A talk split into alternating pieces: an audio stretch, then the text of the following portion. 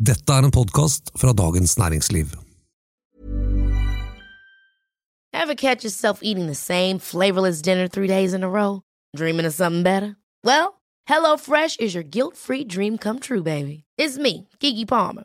Let's wake up those taste buds with hot, juicy pecan-crusted chicken or garlic butter shrimp scampi. Mm. Hello Fresh. Stop dreaming of all the delicious possibilities and dig in at HelloFresh.com. Let's get this dinner party started. Hey, I'm Ryan Reynolds. Recently, I asked Mint Mobile's legal team if big wireless companies are allowed to raise prices due to inflation. They said yes. And then when I asked if raising prices technically violates those onerous two year contracts, they said, What the f are you talking about, you insane Hollywood ass? F- So to recap, we're cutting the price of Mint Unlimited from $30 a month to just $15 a month. Give it a try at mintmobile.com slash switch. $45 upfront for three months plus taxes and fees. Promo rate for new customers for limited time. Unlimited more than 40 gigabytes per month. Slows. Full terms at mintmobile.com. Many of us have those stubborn pounds that seem impossible to lose, no matter how good we eat or how hard we work out. My solution is PlushCare. PlushCare is a leading telehealth provider with doctors who are there for you day and night to partner with you in your weight loss journey. They can prescribe FDA-approved weight loss medications like Wagovi and Zepbound for those who qualify. Plus, they accept most insurance plans. To get started, visit plushcare.com slash weight loss. That's plushcare.com slash weight loss. Endelig kom regjeringens havvindsatsing. Nå blir det 1500 vindmøller og eh, mange, mange gigawatt med ny, herlig vindkraft. Men til hvilken pris? Og Senterpartiet hiver fortsatt etter pusten, mens Erna setter stadig nye rekorder på målingene. Men kan det også være nå at Jonas endelig begynner å sanke inn noen krigspoeng? Dette er den politiske situasjonen. En podkast fra Dagens Næringsliv med politisk redaktør Fridtjof Jacobsen og meg, Eva Grinde. Eh, kommentator, da. Ja. Velkommen tilbake, Eva Grinde. Takk skal du ha. Det er fint å være tilbake her i studio godt. Godt å ha deg her. sammen med deg. deg Ja. på en onsdag. Du, eh, avisen har jo akkurat nå eh, produsert en leder om havvindsatsingen som ble lansert onsdag morgen. Eh, hva mener vi egentlig her i Dagens Næringsliv om dette? Eh, Ja, det har, må vi jo innrømme at vi hadde en ganske eh, dyp og, eh, og til dels opphetet diskusjon om på morgenmøtet i dag. Eh, og det er, det er eh, Vi skal, kan gå inn på selve regjeringens forslag etterpå, men dette er jo en utrolig fascinerende, men også ganske sånn komplisert materie. Det er veldig mange deler, jeg vil si av politikk, økonomi, klima, global, nasjonal. Alt kommer inn rundt disse havvindmøllene som det er planer om å bygge ut da, i det norske havet. Eh, og det er ikke så lett eh, å, å på en måte vri ut. Det kommer, det kommer liksom helt an på, med, på måte med hvilket perspektiv du går inn i det, men det som har slått meg med havvindsdebatten, eller den politiske havvindsdebatten slik den er nå, er jo at eh, det, det er liksom to størrelser som jeg syns det er vanskelig å forene. Det ene er at det er åpenbart at Europa og verden trenger mer fornybar energi. Eh, og den prosessen er kanskje akselerert nå som man skal frigjøre seg fra russisk eh, olje og gass. eh, På toppen av, klimaambisjonene. Og der er jo havvind et åpenbart svar, hvis, det, hvis man får det til. Men så er det det andre dimensjonen, som kanskje er litt særnorsk, er at når vi skal være med på dette, så skal vi samtidig gjøre dette til et norsk industrieventyr. Bygget på en måte på fortellingen om hvordan vi klarte å få eh, oljen og gassen, som er en råvare, til å bli noe mer enn bare noe vi solgte, eh, men også å bli en utvikling av en veldig bærekraftig og fascinerende norsk industri. Og, og disse to hensynene er ikke så lett å forene, syns jeg. Nei, ikke sant? Og svaret var hva mener vi egentlig? Altså, vi mener, vi mener jo at eh, verden trenger at vi bygger ut havvind, og at vi får fornybare eh, kilder til eh, energi. Det, det mener vi, det er vi enig i. Og så mener vi at det er viktig å gjøre det på den mest mulig fornuftige, økonomisk fornuftige måten. Går det an å si det litt sånn? Ja, eh, det er jo Altså ikke, ikke la liksom visjoner og drømmer øh, overdøve på en måte evne til å se hva er realistisk. Nei, fordi at eh, hvis, hvis det dreier seg om at vi skal forsyne eh, Europa med, med ren energi, som vi i og for seg også er med å gjøre litt i dag, eh, gjennom at vi eksporterer en del av vannkraften vår, eh, og vi har en del overskudd, så, så, så er jo det et greit mål. Og det er jo, som sagt, jeg tror analysen om at særlig Europa kommer til å tre, trenge mer fornybar energi er grei. Det betyr jo at det, det bør jo være lønnsomt å bygge ut og selge denne energien. Og det bør jo egentlig være så lønnsomt at det ikke krever store statslige subsidier for å, for å gå rundt. Men så er det jo kanskje å utvikle teknologien på havvind og alle kablene som skal til og sånn, er at eh, man snakker om at det må industrialiseres, At det må opp på en skala hvor det blir bygd så mange vindmøller at prisen per vindturbin eller vindmølle blir lavere, og at i den fasen så kan det hende at noe subsidier for å liksom kickstarte teknologien og industrien kan være lønnsomt. Men så, så, så det, det er hvis man ser på det helt isolert. Men så er det jo denne litt særnorske fortellingen som kommer inn at alle de som i dag jobber i oljeindustrien, de skal jo bli fortsette å være industriarbeidere, men de skal bli grønne industriarbeidere. Det er jo dette kompromisset i særlig Arbeiderpartiet mellom LO på den ene siden og, og AUF på den andre siden. Og da, hvis man begynner med en slags sånn visjon om at vi skal ikke bare forsyne verden med energi, men vi skal lage et enorm energieventyr. Da er jo viljen til å subsidiere og bruke statlige penger plutselig mye, mye større. Ja, for det, det ligger jo sånn kjernetema inni her, ikke sant. Og det er jo at per i dag så mener jo industrien at dette ikke er lønnsomt i seg selv uten noen form for subsidier. ikke sant? Og det er, det er jo noe av grunnen til at det blir diskusjon om det også. Og at eh, særlig økonomer, som vi jo har opptil flere av i vår redaksjon f.eks., er, er generelt skeptiske til å sette i gang eh, industrier, eller prøve å lage industrier liksom ut fra en politisk plan om at det er bra, hvis ikke det er økonomisk lønnsomt. Fordi, det, fordi da kan det jo eh, veldig lett bare sant, gå på eh, et skjær.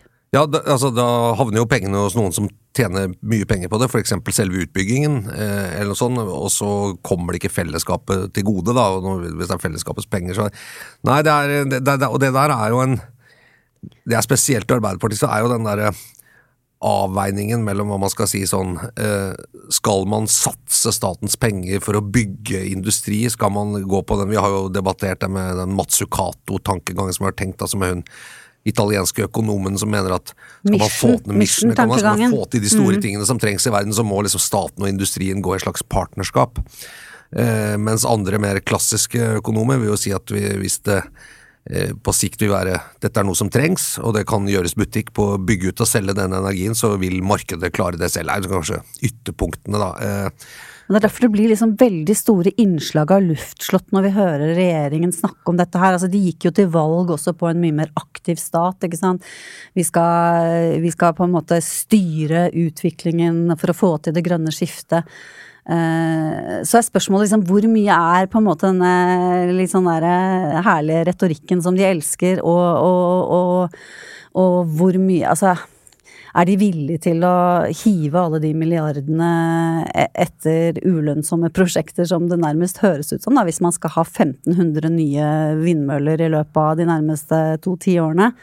Um, ja, eller, eller vil man eller er dette begeistrings... eh, Driver de bare med å prøve å begeistre?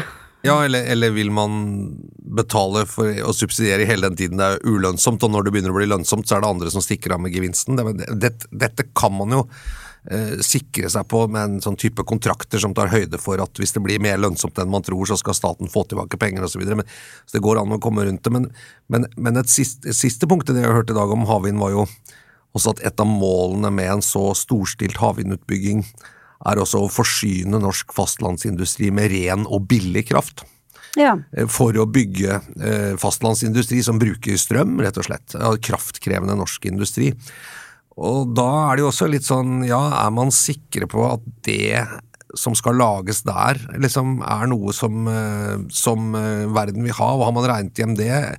Skal vi subsidiere kraftutbygging eh, til havs, som i praksis er en subsidiering av private fastlandsindustriselskaper for at de skal kunne lage noe for et globalt marked å eksportere. Altså, da er vi plutselig inne i en helt annen ting enn en ren sånn energiproduksjon, da, mener jeg. Ja, og jeg hørte også Vedum, eller eh, leste, eh, at han garanterte at eh, kraften herfra skulle være billigere i Norge enn i Europa. Og hvordan Vedum eh, skal styre det, eh, den prisutviklingen, det, det er også veldig uklart, ikke sant. For her skal man ikke bare Det er jo ikke snakk om å bare lage vindmøller og så kjøre alt inn til Norge, og full kontroll på det. Det er jo også både enveis- og toveiskabler inni inni i, i planene til regjeringen. Ja, det var i hvert fall Og da er man del det. av et marked. Ja, at alle Eh, mulige kabeltyper kunne ja. brukes her. Ja. Pluss da elektrifisering av sokkelen i tillegg. Ja. Som jo kanskje høres At vi skal fortsette å produsere olje og gass, så må eh, de produksjonsanleggene, eller plattformene, skal jeg kalle det, eller installasjonene, da, drives med fornybar energi, istedenfor at uh, energien blir brukt ved, ved å brenne gass, mobil mobile sånne gasskraftverk i sjøen. Og da kan man slippe å ta det fra land. Og det, det kunne høres ut som en ting, men bør ikke, da, bør ikke da det betales av oljeselskapene selv, eksempel? En annen litt interessant ting her er jo at uh, Senterpartiet har jo hele tiden vært så uh, utrolig skeptiske til hybridkabler, ikke sant, når man har, vært, når man har snakket om, om eh, havvind. Men nå virker det som eh, nå, nå er det åpent for det. Og jeg lurer på om det har litt med sånn at de har laget dette så svært. Altså liksom planene er så store at her blir det strøm til alle. altså, at de har en sånn idé om at de kan forsyne Norge først, og så Altså at det skal lages et sånt system som sikrer Norge jeg tror det var det Vedum prøvde å, å formidle, da. Så, altså, de både har liksom det enorme omfanget av eh, hvor mange terawattimer som skal produseres, og at dette er snakk om helt fram til 2040. Ikke sant? Og da blir det plutselig litt lettere å være enig, da. For da, da er det ikke så mange detaljer som liksom er, eh, som er eh, vanskelige. Nei, det er jo litt foreløpig. lite konkret. Ja. Ja. Eh, da, da de la frem den havvindsatsing del 1, som var en sånn delvis utbygging av, av det feltet som ble kalt for Søndre Nordsjø, eh, hvor man skulle bygge ut halve det litt raskt, så skulle jo det gå med en kabel bare til Norge. Eh, og da skulle det ikke være en hybridkabel på det Nei, ikke i første omgang, men så skulle det kanskje vurderes i neste omgang, eller noe sånt. Ja, Det de sa var da at, men at for resten av havområdene som vurderes, så, så skal vi komme tilbake til, der har vi ikke bestemt oss. Og nå har de kommet tilbake og sagt at det, her kan det legges alle typer kabler, både kabler som går kun til Norge, eller kabler som går kun til utlandet, eller sånne hybridkabler som man kan sende både havvind eller norsk vannkraft gjennom. Eh, og, men jeg, det, de varslet egentlig det, eh, også da de sto på den eh, kaia nede ved Akershus i, i første omgang. Og jeg tror Hvis man hørte etter, så, så I februar var det. ja, så var signalene såpass sterke på at vi, det kommer ikke til å liksom bare bli nasjonalt, dette her, når vi, når vi i den skalaen vi gjør. Men det, men jeg tror det er riktig, som du sier, at nå, nå er skalaen så enorm at man ser at det, det, det kommer til å lage så mye strøm at, det, at Norge klarer ikke å ta imot alt det. Selv om vi har batterifabrikker over hele Norge, så tror jeg ikke det kommer til å bli nok til å ta Nei, altså, som, som noe må ut, da. Ja, planene er jo eh, så store at det er omtrent på det nivået som vi produserer kraft i dag. Mm. Altså ny kraft fra, fra havvind. Ja. Så det er, det er jo størrelsesorden ganske svært, da, for å si det sånn. Det jeg savner når jeg, eh, jeg har sett på det hørte på, eh, på den talen i dag og så på den også som olje- og energiminister Terje Aasland holdt, er jo, er jo at sant, ja, vi skal melde oss på, vi skal være med og forsyne eh, Europa og verden og oss selv med enda mer fornybar energi. Eh, det er bra. Eh, vi skal prøve å få det til sånn at vi også er en del av industrien på dette. Det er bra, og vi har mål om sant, tallfestede mål med store antall, stor kraftproduksjon, men men man adresserer ikke på en måte det vanskelige, nemlig hvordan skal man klare å gjøre dette, og i hvilket tempo, sånn at det blir lønnsomt, og sånn at vi slipper å bruke veldig mye fellesskapspenger på det. Ja, Det er det liksom- som er uklart. Ja. Hvor mye fellesskapspenger er det som ligger i det Soria Moria-slottet her, liksom? Uh, ja. Ja, og så ble det sagt også at gjennom denne Hywind-tampen, som er et sånt felt som jeg tror Equinor er inne i, så er vi nå verdensledende på utvikling av havvind, ble det sagt i den talen til Aasland. Og da er jeg litt sånn, ja, er vi sikre på det? det? Altså Den utviklingen av denne typen havvind kan jo hende at også andre land klarer å lage enda bedre og, og rimeligere eh, og mer effektiv teknologi enn Norge. Så det er kanskje litt feil å knytte utbyggingen av havvind på norsk sokkel bare til norsk teknologi. Hvis det viser seg at det, at det er bedre å bygge den ut med en annen teknologi for å få dette i gang og produsere energi, så kan vi jo kanskje vurdere om det, det, om det vil være Ja. like greit, da. Det kan jo hende verden ikke har tid til å vente på utviklingen av den uh, unike norske teknologien. Det kan tenkes. Ja, Muligens. ja og det kan hende at uh, det også vil være mer lønnsomt for Norge å ikke gjøre det. Jeg, jeg, det vet jeg ikke. Men uh, denne debatten vil fortsette, tror jeg. Men det er jo Mange ubesvarte spørsmål, er ikke det Det tror jeg nesten er den beste konklusjonen på den. Ja, men veldig, interess veldig interessant, da. Ja. Altså, fordi det er så mye. Det er fremtid, det er klima, det er teknologi, det er industri, det er energi, og så er det en krig oppi der, men energi Altså, det, dette er jo på en måte et, Mm. Og det er jo på en måte et eksistensielt Altså klima er jo mer et eksistensielt eh, spørsmål etter hvert enn et politisk, ikke sant. Altså spørsmålet blir hvordan skal vi få det til? Vi må, vi må over på fornybar energi. Og, og, ja, og da er du i gang med ingressen. Spørsmålet er hvordan skal vi få det til? Vi må ha fornybar energi. Fikk vi svaret eh, i dag, når de la frem havvindsgreiene? Nja. Nei, jeg tror ikke det. Det er litt vanskelig å skrive. Nja. Men, eh, Vi trenger ikke eh, å ha en sånn derre det- Dette er poddingress, det er noe annet. Ja, det er. Det er noe annet. Jeg tror det blir ingressen. Uh, vi skal snakke litt om, uh, om eh, ståa i norsk eh, politikk, også ut fra meningsmålinger. Og prøve å dra en kabel fra dette her, da, og over til eh, det som er et vondt tema for Senterpartiet. Pling i pappglass. It's that time of the year. Your vacation is coming up. You can already hear the beach waves, feel the warm breeze, relax, and think about work. You really, really want it all to work out while you're away. Monday.com gives you and the team that peace of mind. When all work is on one platform and everyone's in sync, things just flow wherever you are. Tap the banner to go to Monday.com. Ryan Reynolds here from Mint Mobile. With the price of just about everything going up during inflation, we thought we'd bring our prices down. So to help us, we brought in a reverse auctioneer, which is apparently a thing. Mint Mobile unlimited premium wireless. Ready to get 30, 30, bit to get 30, bit to get 20, 20, 20, bit to get 20, 20, bit to get 15, 15, 15, 15 just 15 bucks a month. So, Give it a try at mintmobile.com slash switch. $45 upfront for three months plus taxes and fees. Promo rate for new customers for limited time. Unlimited more than 40 gigabytes per month. Slows. Full terms at mintmobile.com. Many of us have those stubborn pounds that seem impossible to lose, no matter how good we eat or how hard we work out. My solution is PlushCare. PlushCare is a leading telehealth provider with doctors who are there for you day and night to partner with you in your weight loss journey. They can prescribe FDA-approved weight loss medications like Wagovi and Zepbound for those who qualify. Plus, they accept most insurance plans. To get started, visit plushcare.com slash weight loss. That's plushcare.com slash weight loss. Ja, Ja. Eva Grinde. Eh, Hva ville folk stemt hvis de hadde gått til urnene i et stortingsvalg i morgen? Eller i dag?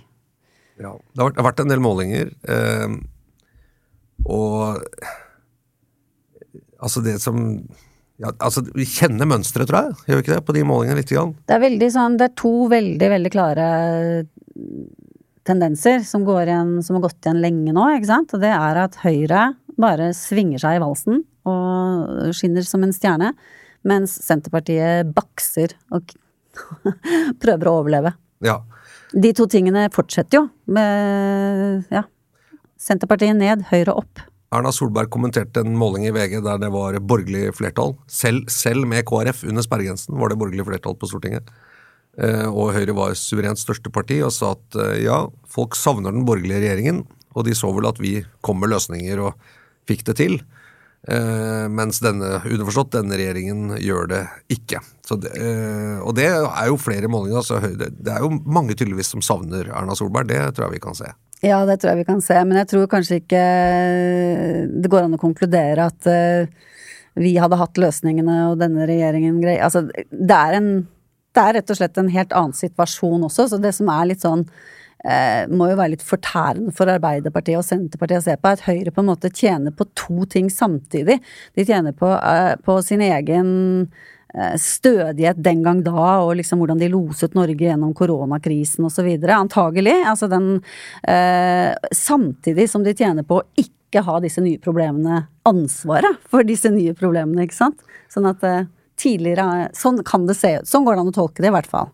Ikke sant? Det er jo ikke de som nå ikke kommer med raske løsninger på strømkrisen, for eksempel, eller eh, Det er jo regjeringen. Så, Ja, ja det, er, det er sant. Men så er det også, jeg tror også det er verdt å merke seg at Erna Solberg er nå så rutinert, og så dreven som politiker, og, og man skal også ganske lang trening i å være opposisjonspolitiker, helt fra 2005 da, som partileder, eller fire, og til, eh, til eh, 13.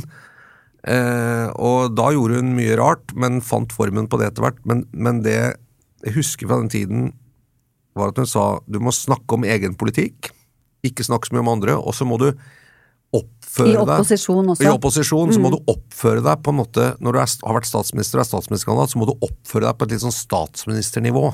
Ikke ta de små tingene.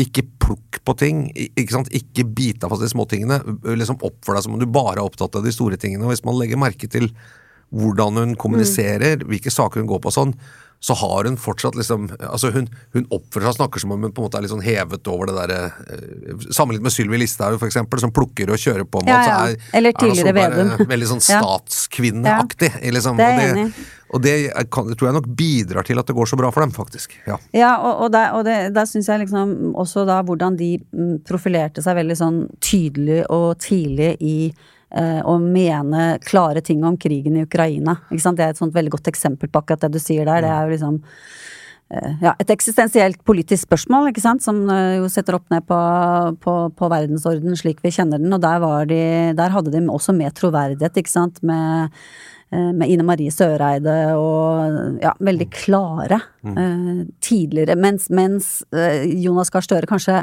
famla litt i begynnelsen, ikke sant. Hang eh, på et vis igjen i, i, i sin sånn eh, dialoginnstilling til, eh, til, til Russland, og var, var liksom ville ikke kalle det en krig og litt sånn.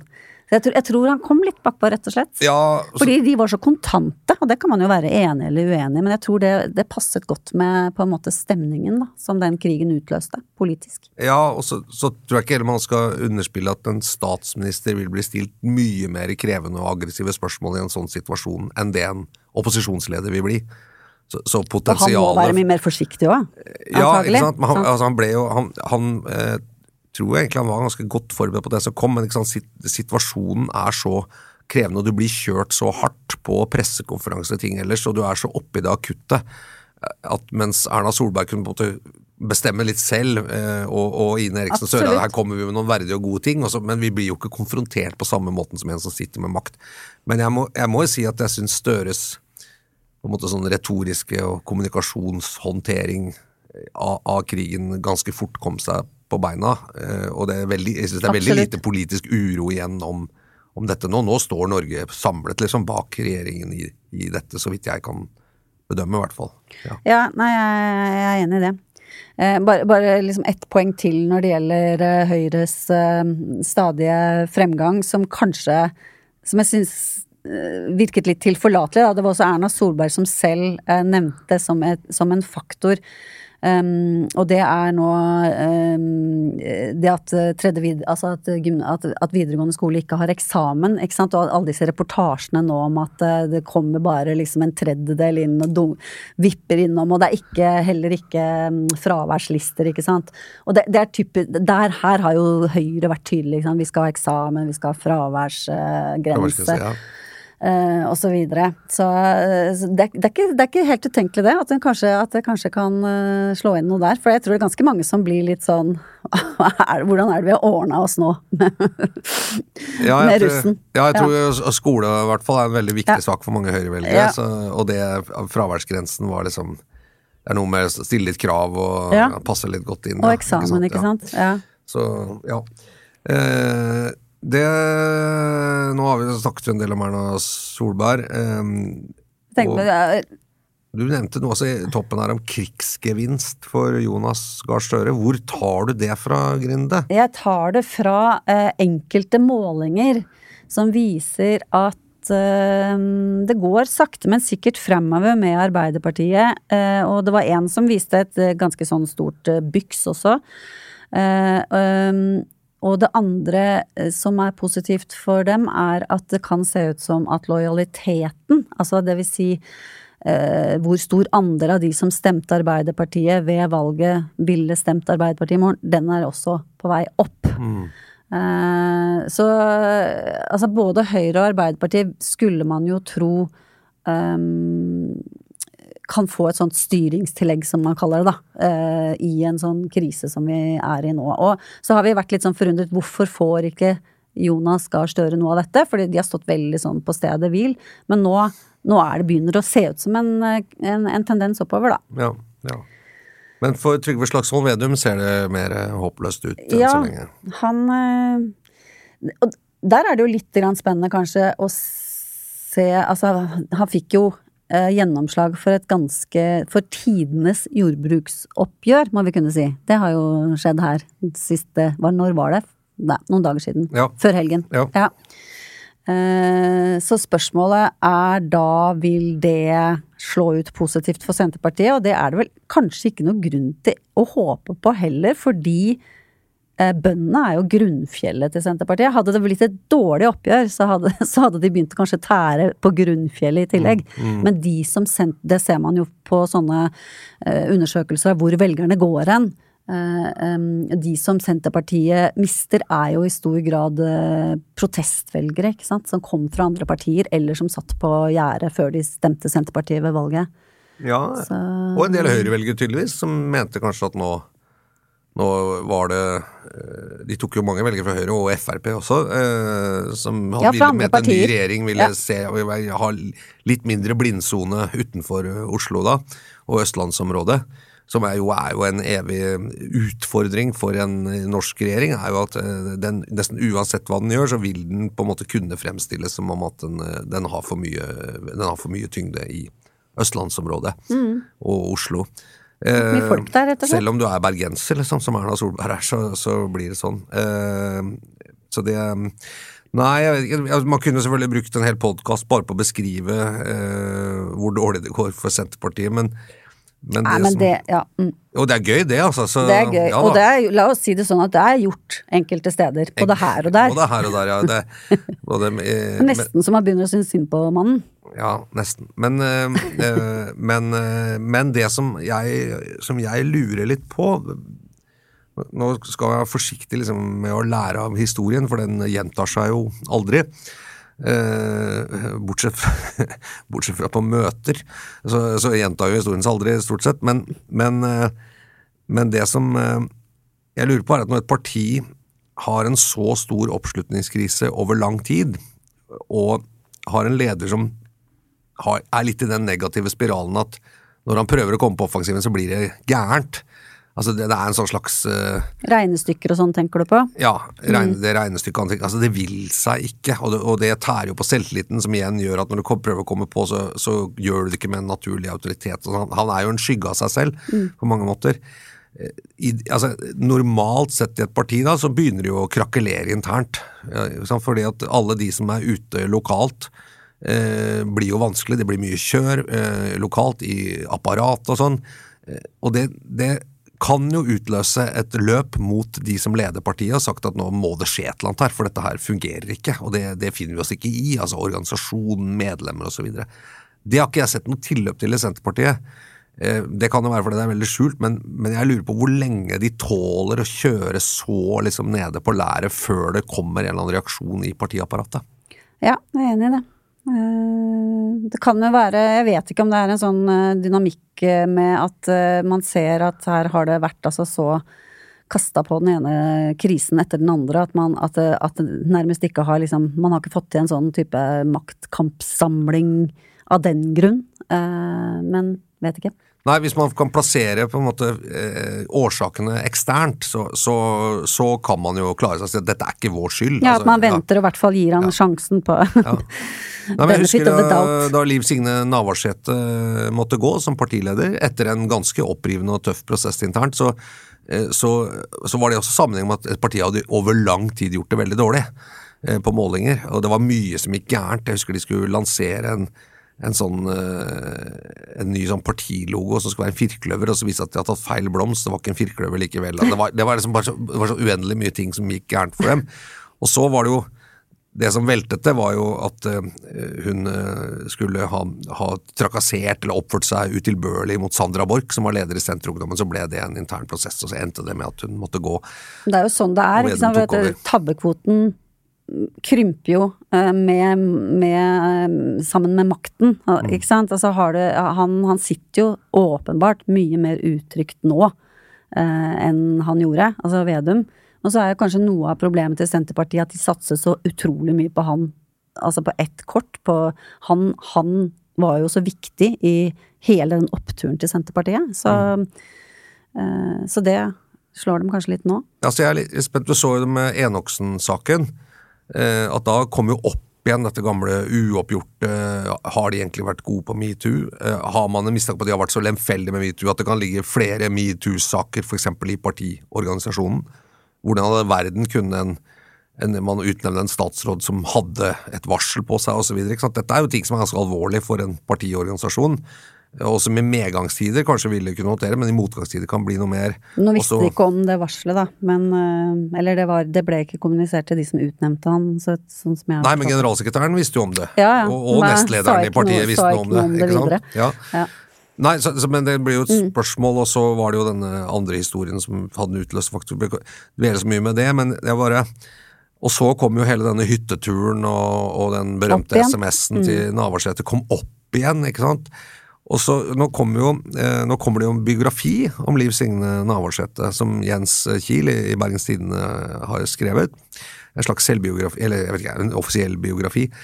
Og jeg må si at den er jeg ganske spent på, fordi at uh, hva vil hun si der? Det er liksom hennes versjon av hva som skjedde, vil jeg tro, da, da hun måtte gå av, hva som har skjedd i ettertid, kanskje om hytteturen osv. Og, så og det, jeg er litt spent på om den biografien og hennes på en måte lansering av den vil kunne fyre opp eh, bråk i partiet, eller om det kommer ting der som, som blir vanskelig å håndtere.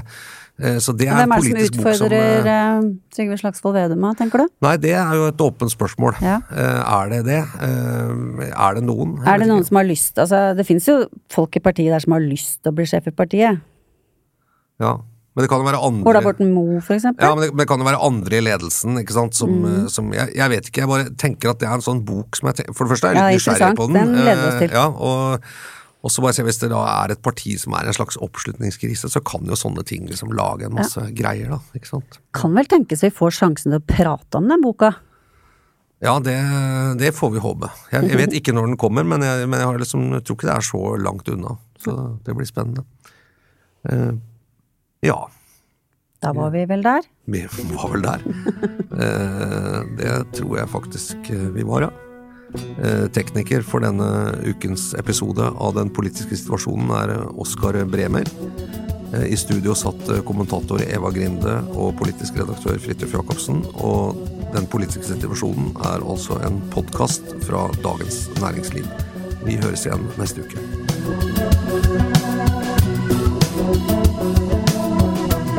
Ever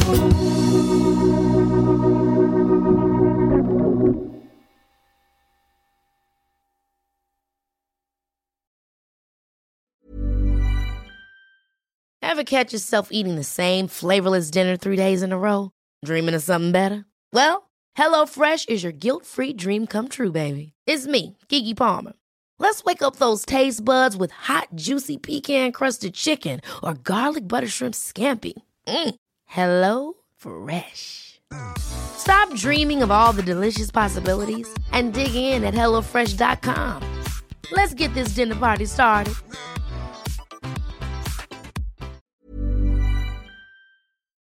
Du har nå hørt en podkast fra Dagens Næringsliv.